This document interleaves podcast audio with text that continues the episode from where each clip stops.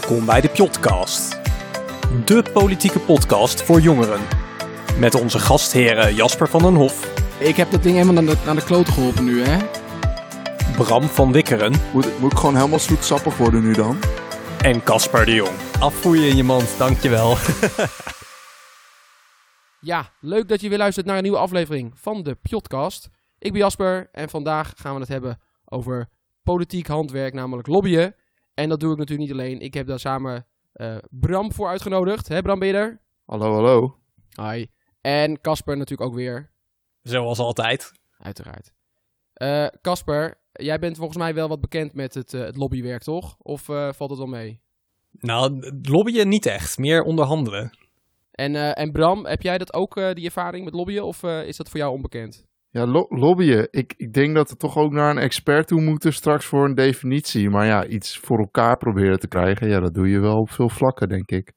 Nou, kijk, ik heb dat zelf. Ik, ik, ik weet, ik heb eh, sinds kort een relatie. En ehm, ik heb daar eh, vaak toch wel. Nu, en nu merk je ook al, dan denk je, ja, ik wil gewoon.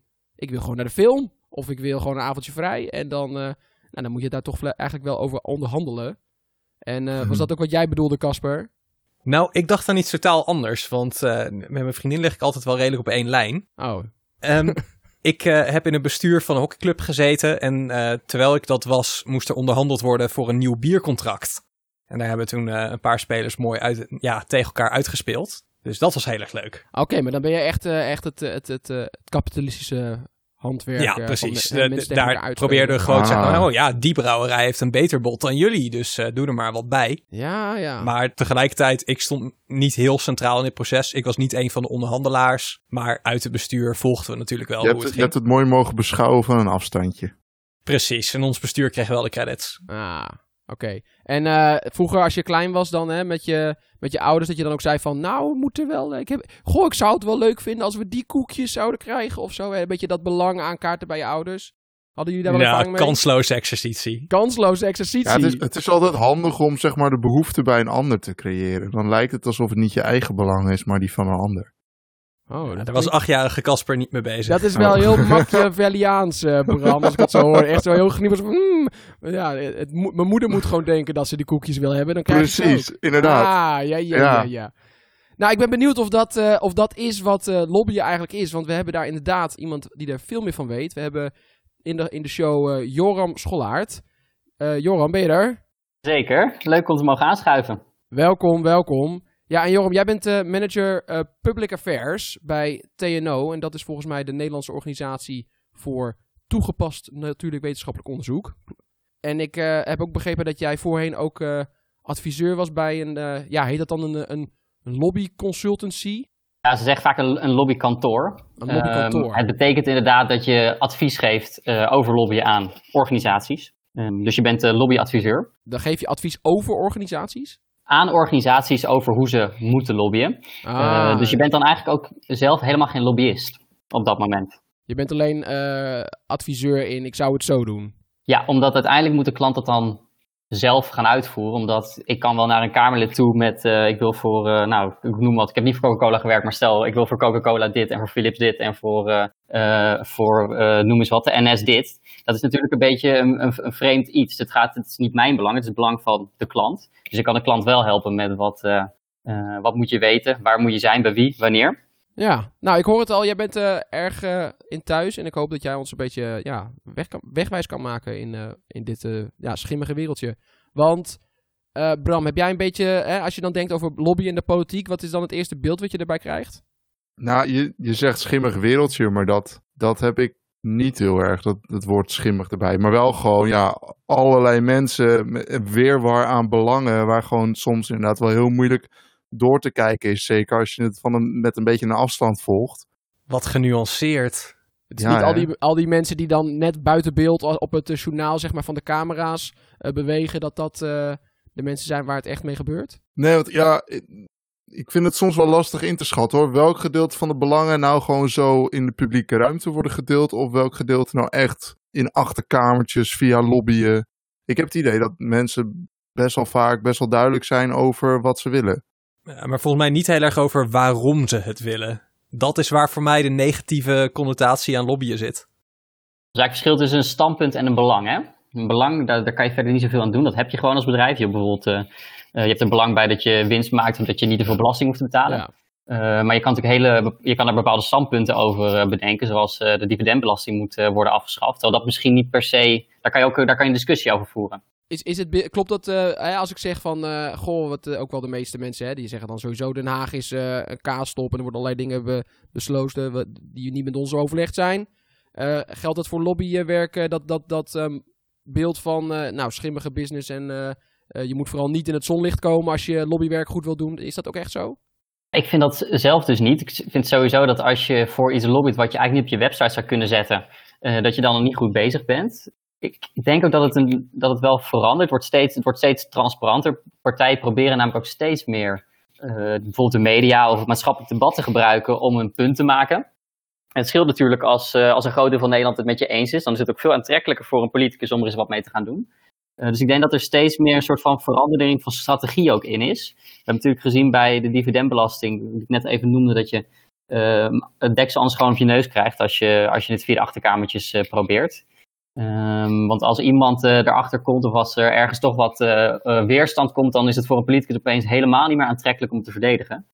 dan heb je mazzel dat de vezels van Rutte het nog een tijdje volhouden, maar uiteindelijk is dat uh, is het dan een verloren zaak. Ja, ik wou zeggen, sowieso Rutte die kan volgens mij heel makkelijk het ene moment heel fel voor uh, het ene idee zijn en dan erachter komen dat het niet werkt en dan heel mooi personeel het uh, andere tegenovergestelde bepleiten. Dat is dus ook het nadeel van als je, als je een lobby hebt. Sommige lobbyisten zijn heel erg van, de, van het netwerken, van de contacten en die kennen gewoon een paar mensen heel goed. maar ja, als zo iemand dan weer vertrekt, dan moet je weer helemaal bij nul beginnen. Daarom kan je er beter voor zorgen dat je gewoon een goed verhaal hebt, wat door veel mensen wordt gedragen, zodat heel, veel, heel breed een gevoel heeft van het is inderdaad belangrijk dat we hier en hier aandacht voor hebben. Daar kunnen we het zo wel denk ik nog even over hebben. Over van, de, nou, hoe pak je dat nou slim aan als je, als je wil lobbyen. Maar ik ben toch wel benieuwd eerst in zeg maar, het idee. Want eigenlijk, eh, dat lobbyen, dat is toch gewoon uh, mensen manipuleren om te vinden wat jij wil. ik, ik, misschien moet het ook eerst even een keer omdraaien. Kijk, uh, stel je zou een verbod op lobbyen hebben. Ja. In Nederland. Uh, Wat gebeurt er dan? Wat valt er dan uit elkaar? Stel, stel, niemand zou, stel niemand zou mogen lobbyen. Maar we hebben wel 150 mensen in de Kamer zitten. Ja. Uh, en een Kamerlid heeft dan bijvoorbeeld een partner die bij een tennisclub actief is. Of kinderen op een basisschool. Of uh, houdt heel erg van wielrennen. Of mm -hmm. weet ik veel. Die heeft op allerlei manieren toch wel contacten met de maatschappij. En daardoor zal, zal diegene altijd belobbyd worden. Dat iemand zegt van, joh, kan je niet even hier wat regelen? En uh, moet, we moeten echt iets doen aan de lerarensalarissen. En uh, dat krijg je dan vanuit je omgeving. Dus dan word je alsnog belobbyd, zou je kunnen zeggen, als beleidsmaker. Maar dat is toch, uh, dat is toch wat, wat we belangrijk vinden. Dat politici in de maatschappij staan en dat ze overal uh, sprieten voor hebben. Daarom. Dat is toch belangrijk? Ja, en daarom is het ook belangrijk dat je, ik zou zeggen, dat je je laat belobbyen als politicus. Okay. Uh, omdat als er een besluit genomen wordt, vind ik het het best als er zoveel mogelijk belangen zijn meegenomen. En uh, hoe je die dan afweegt, ja, dat is natuurlijk een keuze die de politicus moet maken. Daar zit dan ook een beetje ideologie achter van, laat je de, de belangen van het bedrijfsleven zwaarder uh, wegen of van bepaalde NGO's? Of nou, daar maakt elke partij dan een eigen afweging in. Daar wil ik wel op inhaken. Ja, Casper, wat ja. wil je zeggen? Um, kijk, Natuurlijk, zo iemand die die keuze maakt, die moet zoveel mogelijk uh, van het probleem kennen. Die moet met alle belanghebbenden gesproken hebben. Maar zeker in een boel maatschappelijke problemen zie je dat er eigenlijk een, een groep is in de trant van bedrijven of wat dan ook, die redelijk goed georganiseerd zijn. Ten opzichte van de maatschappij als abstract begrip. Gewoon jij en ik die ergens wonen en leven. Die een heel ander belang hebben, alleen niet zo georganiseerd zijn om dat goed te communiceren naar die beslissende mensen, naar de politici. Ja, niet professioneel. Ja, precies. Het is voor een bedrijf heel veel makkelijker om een lobbyist een afgebakend uh, verhaal mee te geven, dan het voor uh, eh, 17 miljoen mensen is om te vertellen wat in hun levenssfeer belangrijk is. Hoe kijk je daarnaar? Dat, dat klopt, absoluut. Dus uh, sommige organisaties weten veel beter hoe ze een belang moeten behartigen, of hebben daar tijd voor of geld. Um, alleen, ik denk dat, het, dat je wel een soort van verschuiving ziet dat juist Kamerleden zoiets hebben van ja, weer, heb je weer zo'n bedrijf, weet je wel, die zit er alleen voor het eigen commerciële belang. Uh, maar wat vindt de man op de straat nou? Dat vind ik natuurlijk steeds belangrijker, zeker sinds de opkomst van het populisme. Je moet mensen niet voor het hoofd stoten. Uh, en um, je ziet ook wel dat, ik denk dat social media, daar kan je heel lang, wordt heel veel negatief over gedaan, maar dat er het is wel steeds makkelijker om even gewoon een campagne op te zetten. Uh, en eens even een manifest te schrijven en aan te bieden. En even wat handtekeningen te verzamelen. Je hebt er zo, als je wil, 20.000. Dat is geen enkel probleem tegenwoordig. Uh, dus het wordt wel steeds makkelijker om je met een groepje uh, bezorgde burgers tegen een politiek proces aan te bemoeien. Ja, en het is toch ook wel gewoon de taak van een politicus om dat te zien. Ik snap, ja, de ene kan zich gewoon beter organiseren dan de ander. Maar wat je al zei, Joram, het is toch de taak van een politicus om de belangen af te wegen. En gewoon te zien dat een bepaald belang veel beter gecommuniceerd wordt dan, dan een minder gehoord belang. Zeker. En stel, stel je zou als politicus dat niet doen, ja, dan word je door de kiezer ook afgestraft. Dus er zit ook wel een soort van uh, macht en tegenmacht wat dat betreft in ons systeem. Uh, dus je, dus je, je, moet uiteindelijk ook wel je oor te luisteren leggen bij wat vindt, nou in ieder geval mijn achterban van wat ik hier aan het doen ben. Maar misschien to, toch nog heel even terug van waar we het over hebben. Is lobbyen dan gewoon eigenlijk het, het communiceren van belangen? Ja, um, en het is, nou ja, het is natuurlijk, ja, communiceren is misschien wel een beetje statisch. Je, probeert, je probeert natuurlijk vaak wel wat in beweging te krijgen. Dus, dus er zit nog, het is misschien iets meer dan alleen puur communiceren. Je probeert ja. dat te beïnvloeden. Je wil wel graag dat een beslissing uh, net iets meer in je voordeel uitpakt, bijvoorbeeld. Ja, dus positief beïnvloeden. Hè? Of kan je ook tegen bepaalde ideeën lobbyen? Ja, dat gebeurt natuurlijk ook heel veel. Hè? Vooral gevestigde belangen um, moeten wat vaker meer een. Um, een campagne van lobby voeren om, uh, om iets te behouden of om een wet ja, tegen verandering te houden. tegen te houden. Ja, dat gebeurt natuurlijk uh, geregeld. Als er, uh, ja, je bedrijfsleven wil natuurlijk sowieso niet te veel regelgeving. We krijgen nu natuurlijk allemaal duurzaamheidswetgeving. ja, dat is, dat is niet fijn als je in de verpakkingsindustrie werkt, of de levensmiddelenindustrie. Of, ja. dus, dus dan heb je soms iets te verdedigen of wil je wat dingen afzwakken juist. Ik vind het zelf wel altijd het leukst om te lobbyen op plekken waar je dingen wil bereiken. Ja, hè, dus, ja wat je zegt, positief beïnvloeden en Ja. uh, verandering Ja. bewerkstelligen wat dat betreft. Ja. Maar als ik jou goed hoor, dan zeg je eigenlijk van, dat is ook geen verrassing ook, dat de lobbyconsultant zegt, ja, we zouden eigenlijk niet minder, maar meer moeten lobbyen. Ja. Dat is uh, Ja, de enige oplossing. Er moet meer gelobbyd worden. Ja, nee, absoluut. Dat, dat, Is dat dan niet gewoon werkverschaffing voor jezelf? Eh, ja, zeker. Ehm, maar ik denk dat het, eh, ja, dat natuurlijk. Nou, wat wel zo is, ik nu is er gewoon vooral professionele lobby. Maar ik denk dat ook de amateurlobby nog wel een flinke stap kan maken. Mhm. Ehm, dat je eigenlijk helemaal niet eh, jarenlang je bezig hoeft te houden met politiek om een beetje invloed te hebben. Dan bedoel je eh, eh, hockeyclubs of eh, eh, hebben we het van die, van die kleine stichtingen? Ja, of, of de Facebookgroep Zwarte Piet moet blijven. Precies, dat kunnen ook allerlei dat soort dingen zijn. Nou, nu het boerkaverbod bijvoorbeeld kan best zijn dat, eh, volgens mij zijn het 400 vrouwen die een, zo'n, zo'n boerka dragen. Oh, ja. Die zouden natuurlijk best met z'n 400 of, nou, of, of, een, of een, af, een, een delegatie eh, kunnen lobbyen natuurlijk. Doen ze trouwens ook. Ik heb ze zelf in de Kamer gezien, maar eh, ja. Wat ik nou vaak zie is dat dat soort mensen dan een demonstratie opzetten. Nou, dan heb je misschien even wat tijd in het journaal. En dan houdt het alweer op met je standpunt over het voetlicht gekregen hebben. Maar nog veel belangrijker misschien, hè, die mensen nu ook met dat boerkaverbod, de demonstratie is er wanneer de wet ingaat. Maar dat is al veel te laat, we lopen achter de feiten aan. Want het besluit is al lang en breed genomen, veel eerder stadium. Die hadden er eigenlijk al lang bij moeten zijn. Eh, ik, heb, ik heb ze toevallig wel eens in de Kamer gezien, dus ik, ik weet daardoor dat ze er al eerder bij waren. En soms hou je dat natuurlijk niet tegen. Het kan zijn dat je echt dat, dat je het gewoon er niet doorheen krijgt. En dat je het moment dat deze wet wordt ingevoerd nodig hebt om mensen wakker te schudden. Van, oh maar wacht, dit was niet de bedoeling. Eh, maar dan is er wel veel grotere moeite om, om hier nog iets tegen te doen. Dus je wilt liefst inderdaad wat vroeger zijn, ja. Eh, want misschien is dat wel een handige bruggetje. Want stel dat je nou eh, denkt van ik vind het belangrijk. Hoe, waar moet je nou beginnen? Is het echt gewoon eh, stap 1 is wees er vroeg bij? Ja, het, het is goed als je op tijd weet eh, dat er iets staat gebeuren wat je wel of niet wil. Vooral inderdaad als je iets wilt tegenhouden. Want kijk, als je, want je het gebeurt natuurlijk heel vaak dat mensen, zeker burgerlobbyisten, die, die willen natuurlijk vaker dingen agenderen. Iets waar nog niet over gepraat wordt. Ehm, die komen met, met nieuwe dingen. Dan is de timing natuurlijk, dan moet je vooral kijken van, is er binnenkort een debat waar ik bij kan aansluiten, bijvoorbeeld. Maar misschien is het goed om gewoon even kort het gewoon te hebben over hoe de, hoe de Kamer nou werkt, hè? Nou, leg eens uit. Ja, laten we het even bij het nationale parlement houden. Kijk, lobbyen en zeker ehm, eh, burgerlobby kan natuurlijk heel goed lokaal, maar ook nationaal. Eh, maar daarvoor is het wel goed om een klein beetje te weten hoe die, hoe die Kamer werkt. We nemen, we nemen Hebben- het nationale parlement als Ja. voorbeeld. Ja, we hebben natuurlijk eh, in de Tweede Kamer 150 mensen zitten. Ja. Eh, verdeeld over eh, nou, tot voorheen 13 fracties sinds eh, dat Merel Femke, Femke Merel van Koten Arissen van de Partij voor de Dieren vertrokken is. 14 fracties. En ehm, daar zitten dus ongeveer gemiddeld 10 mensen per fractie in, hè, gemiddeld. Ja, En die mensen die moeten ergens het woord over gaan voeren.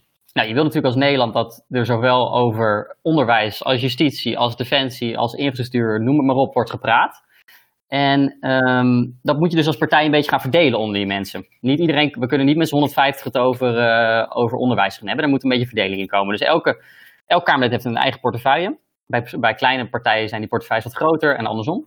En de Kamer is er ook op ingericht. Die heeft gewoon gezegd van, joh, we hebben in Nederland, wat zijn het, 12, 13 ministeries. We maken gewoon kamercommissies voor elk ministerie. Dus er is bijvoorbeeld een vaste Kamercommissie voor volksgezondheid. Er is er eentje voor sociale zaken, voor defensie, voor economische Dus die, zaken. die, Nou, op. matchen je aan de, aan de, aan de ministeries. eh, ja, en dan worden ja, die beleidsterreinen be- bepaald. Of, Want dat is ook makkelijk communiceren dan. En dat zijn eigenlijk een soort van, we hebben het als, heel vaak als het over politiek gaat, dan hebben we het eigenlijk alleen over wat er in een hele grote plenaire zaal gebeurt. Dat zijn dan vaak de wat eh, meer politieke debatten, met ook wel vaak de fractievoorzitter en zo. Maar dat is echt maar het topje van de ijsberg van wat er in de Kamer gebeurt. Want al die commissies, dat zijn eigenlijk een soort van, ja, eh, eigen organismen op zich, die helemaal zelfstandig eh, van alles organiseren. Dus die, dus die hebben eigenlijk al, die hebben een eigen ambtelijke ondersteuning, die hebben een eigen griffie. Is, is er bij die commissies ook een ambtelijke ondersteuning? 14 mini-Tweede Kamertjes. Eigenlijk wel, want wat, wat, wat die commissies dus doen, nou, die hebben een eigen voorzitter, een eigen ondervoorzitter, dat zijn dan eh, twee Kamerleden. Eh, en die hebben gewoon vergaderingen, noemen ze procedurevergaderingen, waarin ze besluiten wat ze gaan doen als commissie. Kijk, zo'n Ja. commissie krijgt bijvoorbeeld een heleboel eh, stukken van bewindspersonen met eh, visies of rapporten of wat dan ook. Of misschien wel rapporten van eh, kennisinstellingen of advieskantoren of wat dan ook. En dan soms met een reactie van een bewindspersoon. Ehm, ze krijgen soms petitieaanbiedingen, nou, noem maar op, van alles en nog wat. En ze moeten besluiten, wat gaan we daarmee doen? Dus ze hebben gewoon één keer in de twee weken met elkaar een vergadering. En dan hebben ze echt, nou, soms wel 80 agendapunten. En dan gaan ze er gewoon doorheen van, nou, we hebben, we hebben deze brieven langs gekregen, willen we daar iets mee? En, dat, en dan is het gewoon eh, op het niveau van, eh, van eh, willen we daar een debat over doen of niet? Ja, dus dan zeggen ze van, is, nou, het, is, eh, het gewoon, is het boeiend of niet? Eh, Ga, vinden we het leuk of gaan we, dit, eh, gaan we het skippen? Ja, ja, en kijk, weet je wat je natuurlijk heel makkelijk kan doen? Je kan gewoon zeggen van, ah, eh, dit, dit, we hebben bijvoorbeeld een eh, nota over ruimtevaartbeleid. Eh, nou, dan combineren we dat met het AO ruimtevaart. Dat, dat we binnenkort gepland Ja, hebben staan. Ja. Want dat is dus wat, wat die commissies doen. Die hebben eigenlijk een heleboel debatten.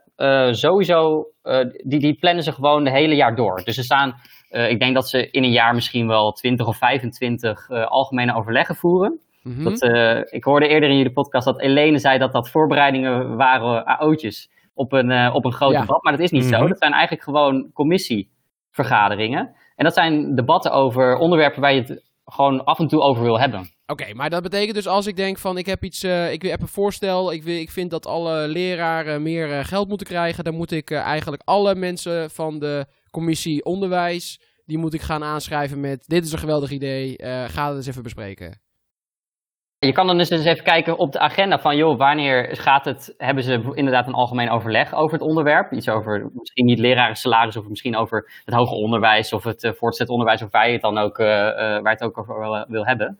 Ehm, en wat ik dan vaak nog doe ter specificatie is kijken van welke Kamerleden zijn er specifiek bezig met, stel je wil het hebben over de lerarensalarissen in het lager onderwijs, welke Kamerleden hebben nou het lager onderwijs in de portefeuille? Want in zo'n commissie zitten meestal 20, 25 mensen. Kijk, de, de VVD heeft dan bijvoorbeeld zes Kamerleden erin zitten en de SGP één, maar uiteindelijk, nou, Ehm, dus, en bij de VVD zijn er gewoon zoveel Kamerleden dat ze de portefeuille eh, van onderwijs, hebben. cultuur en wetenschap inderdaad in zes stukjes hebben. Ja, dus dan, ja. kan je nog, dan moet je nog op de site van de VVD kijken eh, wie dan precies jouw deeltje doet. En probeer, zo, dus ik probeer zo specifiek mogelijk uit te zoeken van oké, wie gaat hierover? En dan heb ik het, en dan heb ik het bij die mensen aangekaart en dan heb ik het alleen nog maar op de agenda gekregen.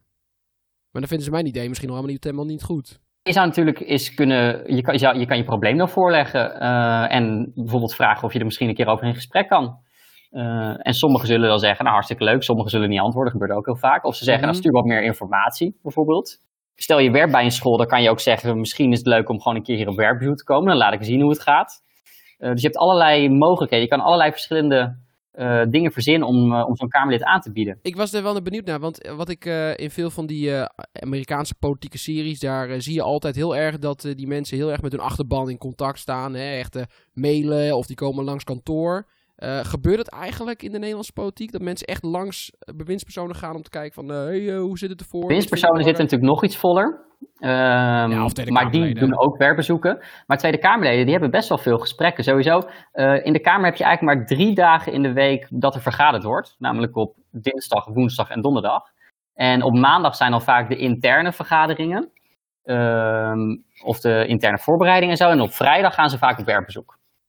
Oké, maar dan zijn ze weg. Dus je, kan, je gaat niet gewoon even langs het kantoortje van eh, een of andere, weet ik veel, eh, eh, van de staai of zo. Om te zeggen, nou, ik vind het belachelijk, dit en dit en dit vind ik goed en anders ga ik niet meer op je stemmen. Dat ze hebben geen spreekuur. dat- Nou, de, de SGP heeft ook een heel goed contact met de achterban. Die komen, die komen veel langs. Nou, even een, een voorbeeld is misschien wel leuk. Ik ben natuurlijk net als jullie ook JD-lid. En ik was een tijdje geleden bij... ehm, ik had een gesprek met een D60-Kamerlid eh, over een onderwerp, over infrastructuur. En ehm, ik stond te wachten samen met een ander JD... eh, een ander JD-lid die ook lobbyist is voor, eh, voor Microsoft. Eh, en toen we stonden te wachten, kwamen er twee JD-leden naar buiten die allebei in een landelijke werkgroep actief zijn. Er- er, komen- er, er kwamen dus, dus inderdaad ook vanuit de jongere partij komt er geregeld is wat, wat langs bij Oh. D66. Ik moet wel zeggen, Bram, ik weet niet wat jij ervan vindt, maar het klinkt als veel werk. Het, eh, als je echt iets voor elkaar wil krijgen op nationaal niveau, kan ik me voorstellen dat je daar wel. dat dat, dat niet zomaar gaat. Ja. Lobby wordt altijd heel spannend gemaakt, hè? Nou, je hebt hier sowieso een, een crash course op de achtergrond eh, van de Tweede Kamer gegeven. Dat is voor ons, eh, terwijl wij politiek actieve jongeren zijn, ook een stukje nieuwe informatie, denk ik. Het, Eh, het valt dus me op dat, dat, want het, het is, laten we zeggen, we, volgen de hele dag politiek eh, en de Tweede Kamer, maar we hebben eigenlijk vaak een heel, maar een heel matig eh, beeld van wat, wat, hoe de Kamer nou werkt. Eh, terwijl, som, terwijl het best wel nuttig is om te weten van kijk ik nou naar een plenair debat of naar een commissievergadering en wat, wat, wat betekent dit dan en eh, wat gaat er hierna gebeuren. ja, een beetje zo'n zwarte doos van, je weet, wat er, waar, eh, je weet niet wat, er, wat erin gebeurt, maar je weet wel wat eruit komt. Precies, en dan gaan we met z'n allen lekkere scorebordjournalistiek eh, bedrijven natuurlijk. Ja. Wat hartstikke leuk is, doe ik graag. Maar, ja, en ehm, ik denk dat mensen vaak hele goede ideeën hebben, maar dan maar ja, een keertje een gesprekje hebben of een keertje een mailtje hebben gestuurd naar iemand. Maar dat dat echt een beetje met hagel schieten is en dat het konijn gewoon levend wegloopt. Oh, ik hoor een oude aflevering weer eh, voorbij komen. Ja, ja, ja. ik dacht, ik gebruik hem nog even. Ik had het dus eerder over hè, hoe georganiseerd is nou een groep belanghebbenden nou. En het feit dat wij dus hier eigenlijk zeggen van ja, de gemiddelde persoon weet waarschijnlijk niet hoe de Tweede Kamer achter de schermen werkt. Terwijl dat juist nodig is om eh, hè, die, die lobby toe te kunnen passen. Bevestigt dat juist niet hoe groot de kloof is tussen de bedrijven die hier eh, nou, mensen zoals jou op in kunnen zetten. Of mensen getraind door iemand zoals jou.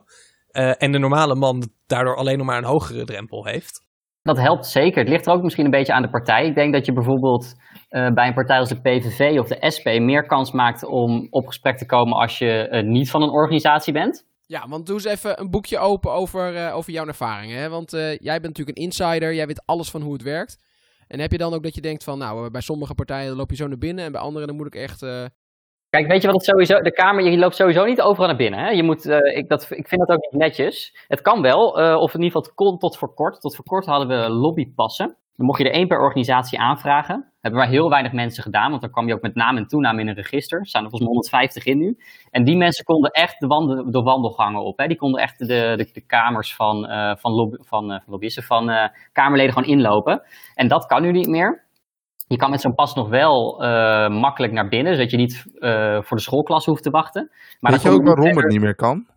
eh, volgens mij om het lobby een beetje in te perken. En eigenlijk, nou ja, ik, laat me zeggen, de pas zoals die er nu is, die vind ik wel aantrekkelijk. Namelijk, je kan wel gewoon naar binnen, de statenpassage, in die hele grote hal kan je in. Eh, en je kan zomaar elk eh, debat inlopen, dus elke commissievergadering of elke plenaire vergadering. Maar je kan dus niet de, de, de, de, de tweede sluis door richting waar de Kamerleden zitten. Want ik vind, als je met de Kamerlid gaat praten, dan moet je gewoon van tevoren een afspraak maken. En dat moet je ook goed voorbereiden, je moet echt iets eh, te bieden hebben. Dus, dus dat is wel goed dat ze dat nu een beetje hebben ingeperkt. Volgens mij kunnen alleen eh, bijvoorbeeld oud-Kamerleden nog wel gewoon eh, in en uitlopen overal. Eh, een oud bewindspersoon. Dus dat is wel een beetje vreemd. Dat is ook een reden waarom die vaak gaan lobbyen. Maar heb je ook echt zeg maar, cultuurverschillen gemerkt tussen partijen? Hè? Dat sommige partijen echt heel een soort van gesloten bolwerk zijn, ook, ook, voor lobbyisten. Kijk, bijvoorbeeld als je bij de PVV iets zou willen, dat is wel heel ingewikkeld. Ik heb dat wel eens geprobeerd, maar dan krijg je gewoon geen, geen reactie. Kleine partijen, die zou ik altijd, dan, ja, die zijn, dat wat lastiger qua, die hebben, het zo, die hebben zulke grote portefeuilles allemaal, dat ze minder tijd hebben om eens rustig eh, een, gesprek eh, te voeren. Dus dat is een reden waarom je al snel bij een aantal, eh, bij de wat iets grotere partijen terechtkomt. Ehm, maar het ligt gewoon heel erg aan het onderwerp of een, of een Kamerlid geïnteresseerd is. Daar moet je altijd goed over nadenken van joh, eh, wie wordt nou het meest enthousiast van waar ik hiermee bezig ben? Hè? Bij wie past dit het best? Stel je hebt een onderwerp over, eh, ik, weet, ik noem iets, eh, iets met milieubescherming. Dan kom je makkelijker bij Partij voor de Dieren binnen dan bij, ik noem maar wat, Forum voor Democratie. Zeker, zeker. Dus, de- en dan is het altijd, ja, je moet altijd een afweging maken van welk Kamerlid kan me hier het best bij helpen. En andersom, wie, welk Kamerlid help ik hier het meest mee om dit verhaal te vertellen? Hè? Ja, dus het is ook, oh, het is ook eh, een beetje you, you scratch my back, I scratch yours, of?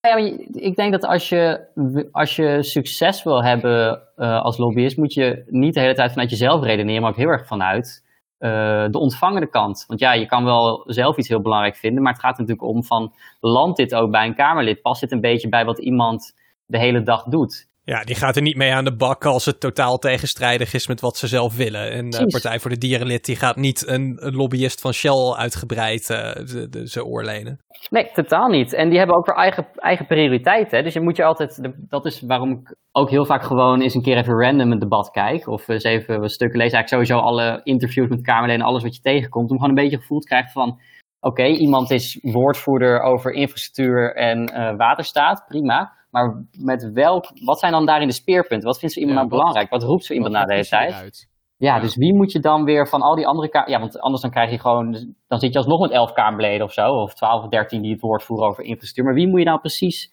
hebben? En wie kan je bij een bepaald be- debat verwachten? En wie zou geïnteresseerd zijn in jouw verhaal? Eh, en welk verhaal van welk kamerlid kan jij sterker maken doordat je, eh, doordat je daar langskomt? Ja. Heb je, heb je een voorbeeld van wanneer echt een lobby heel erg geslaagd was? Dus dat er echt een wet veranderd is of een partij gedraaid is? Ehm, van, mez- van mezelf niet. Ik ben natuurlijk nog maar sinds kort zelf lobbyist. Ehm omdat ik hiervoor eh, vooral natuurlijk ad- advies gaf. Maar een kaas die TNO bijvoorbeeld heeft opgepakt? Nou, waar we nu bijvoorbeeld mee bezig gaan is bijvoorbeeld met, eh, met ruimtevaart. Dat, dat is echt wel een wat groter onderwerp, eh, onderwerp voor ons. Eh, en daar redeneren we ook wel heel erg van, oké, maar welke, eh, voor welke Kamerleden betekent het nou wat dat we als Nederland van alles doen met ruimtevaart? Eh, en welke toepassingen Ja. zijn voor hen nuttig en, en kunnen zij wat mee? Ik heb ook wel eens een keer eh, gehoord dat ze zeiden van eigenlijk, en dat, dat ligt in de lijn wat jij al een- een keer hebt al gezegd, van eh, er zou meer, het lobbyen moet makkelijker worden, want dan, eh, nu is het lobbywerk, dat wordt eigenlijk door, door hè, dure bureaus met veel geld gedaan. En de, hè, de man op de straat van de kleine organisaties, die komen er veel minder makkelijk tussen, omdat die veel minder tijd hebben om daar eh, zich op toe te leggen. Eh, maar die doen ook belangrijk onderzoek of die hebben ook belangrijke standpunten. En als we het nou laagdrempeliger maken, dan, krijg, dan is het eigenlijk een vrije weg van informatie naar de Kamer voor iedereen. Is dat nou de manier om het te verbeteren? Of moeten we gewoon zorgen dat mensen eh, beter weten wat ze wel en wat ze niet moeten doen? Ehm, nou ja, beide. We moeten natuurlijk ook laagdrempelig maken. Als je moet gewoon makkelijk eh, bijvoorbeeld kamerstukken kunnen vinden. Dat kan nu redelijk goed. Dat, dat, wordt steeds, dat is steeds beter te doen. Je hebt gewoon een, eh, een kamersite met daarop de agenda van welke debatten zijn er wanneer. Over welke stukken gaan ze dan praten, et cetera. Dat kan je allemaal, allemaal lezen als je wil. Eh, je moet natuurlijk een klein beetje weten waar je moet zoeken. Maar als je gewoon begint met tweedekamer.nl, dan, dan zou je in principe een, best wel een eind kunnen komen. Eh, dus met openbare bronnen eh, kom je steeds verder. Ik werk zelf ook bijna uitsluitend met openbare bronnen. En als het dan gaat om de, de, de vaardigheden te verbeteren, heb je dan een paar concrete tips en tricks van, nou, eh, let hierop of zorg vooral dat je daar goed in bent of aan denkt? Eh, nou ja, het is natuurlijk altijd goed als je met iets komt wat niet echt eh, alleen je eigen belang is, maar wat meer mensen raakt. Eh, want dan wordt het meteen een stuk interessanter door. Misschien kan je bijvoorbeeld met, met organisaties samenwerken. Dat helpt. Dan krijg je meteen wat, wat, brede wat, wat, coalitie. ja, een brede coalitie, wat lobbykracht. Dan is het ook aantrekkelijker nog weer aantrekkelijker voor een Kamerlid om te helpen. Ja, want dat is, spreekt blijkbaar meer mensen aan. Het is bewezen dan dat, dat het niet alleen maar Piet is die dat belangrijk vindt, maar dat er meer mensen dat, dat dragen. Ja, En dan, en dan dus goed opletten dat je het op zo'n manier eh, brengt dat het ook interessant is voor een Kamerlid om iets mee te doen. Wat heel belangrijk is, en dat is, dat, daar loop ik zelf ook uh, intern bij TNO vaak tegenaan, is dat het heel erg een uitdaging is om uh, de vraag te beantwoorden: wat kan de politiek nou doen? Want dat is natuurlijk iets wat een Kamerlid altijd zal vragen als je op gesprek komt. Maar van oké, nou hartstikke leuk, maar wat kan ik doen? Ja. En, en dat is nog niet zo makkelijker, want dan ja, je kan zeggen meer geld, dat, is, dat, dat, dat kan soms helpen. Maar het is altijd heel moeilijk om dan, om dan uh, dan moet je wel goed weten van wat kan zo'n Kamerlid nou voor me betekenen? Wat zou ik nou willen? Waarom ga ik überhaupt lobbyen? Is, moet ik wel lobbyen? Misschien moet je helemaal niet bij de Kamer zijn. Mm -hmm. Want dat, is, dat, is dat een vaak gemaakte denkfout? Dat mensen denken van, ik heb een probleem, het is aan de overheid, of het nou lokaal is of nationaal, om dat op te lossen en uh, ga het maar doen. Dat is lang niet altijd de oplossing. Uh, dus die, dat is iets waar je goed over moet nadenken. En het liefst van tevoren. Want anders kan het zijn dat je heel veel moeite hebt gedaan. Dat je bij zo'n Kamerlid zit en die vraagt van, nou, wat moet ik doen? En dat je eigenlijk dat niet echt kan aangeven. En dan kan je misschien zeggen, ja, dus dit is wel echt een probleem. Maar dan, zo'n Kamerlid wil natuurlijk graag dat je met een oplossing komt. En het liefst een oplossing uh, die niet uh, uh, 75% van de rest van Nederland dan weer tegen de haren instrijkt. Ja, waar zo'n Kamerlid gewoon kan tekenen bij het kruisje en dan nog een mooi persbericht erover uit kan doen. Heel simpel. Of in, ja, een, een mooi. Uh, ja, je wil, het is ook in jouw belang als een Kamerlid een beetje kan shinen met, met wat jij belangrijk vindt. Ja. Uh, denk je in, in wat jij hoort en zo dat de Kamerlid gewoon veel ontvankelijker is ook voor stukken dat ze inderdaad een beetje kunnen shinen, waar het misschien wat meer over de immateriële dingen gaat? Uh, dan dat je bijvoorbeeld op een bepaald inhoudelijk onderwerp heel erg diep erin, en natuurwetenschappelijk dus misschien, uh, een klein detail wat gewoon even niet klopt of zo uh, wil laten fixen. Dat is inderdaad heel, heel lastig, um, want ja, dat, dat, nee, dat, dat kan wel. Dat, dat, dat doe je dan meestal, als je dat doet, dan doe je dat toch minder in de open, nou, niet, niet per se in het verborgene, maar dan zal je minder snel naar de media aan het voor, voor zoeken. Dan ja. is het misschien gewoon meer van, we hebben gewoon ergens een technisch probleem met een bepaalde wet of zo. Ja, maar dat is puur omdat het voor media dan niet interessant is. Nee. Maar het is dus misschien wel... Nee. Maar lukt het wel om met dat soort onderwerpen, die eigenlijk voor de media op voorhand gewoon niet interessant zijn, wel een gesprek te hebben met Kamerleden of, of nou, een succesvolle lobby op te zetten? Daar willen ze zeker, ze willen ze zeker naar luisteren hoor. En dat brengen ze in die, die AO'tjes waar we het net over hadden, brengen ze dat dan ook, uh, willen ze dat soms ook best inbrengen als zij zeggen van dat is inderdaad... Uh, we hebben bijvoorbeeld bij TNO... Um, dit was al niet gelukt, maar wat wij doen is, uh, we doen heel veel verschillende soorten onderzoek. Dus echt uh, mm-hmm. uh, van dingen die net, laten we zeggen, voorbij de fase van meer wetenschappelijk onderzoek zijn, doen we zelfs soms ook nog. tot allerlei vormen van toegepast onderzoek in, in verschillende niveaus. Tot zelfs dat je zover komt dat je het bijna de markt op kan brengen. en we creëren als TNO dus allerlei start-ups via een, onze tech transfer programma. Ja. Die moeten dan echt op eigen benen gaan staan. Die laten we dan na, na een tijdje ook los.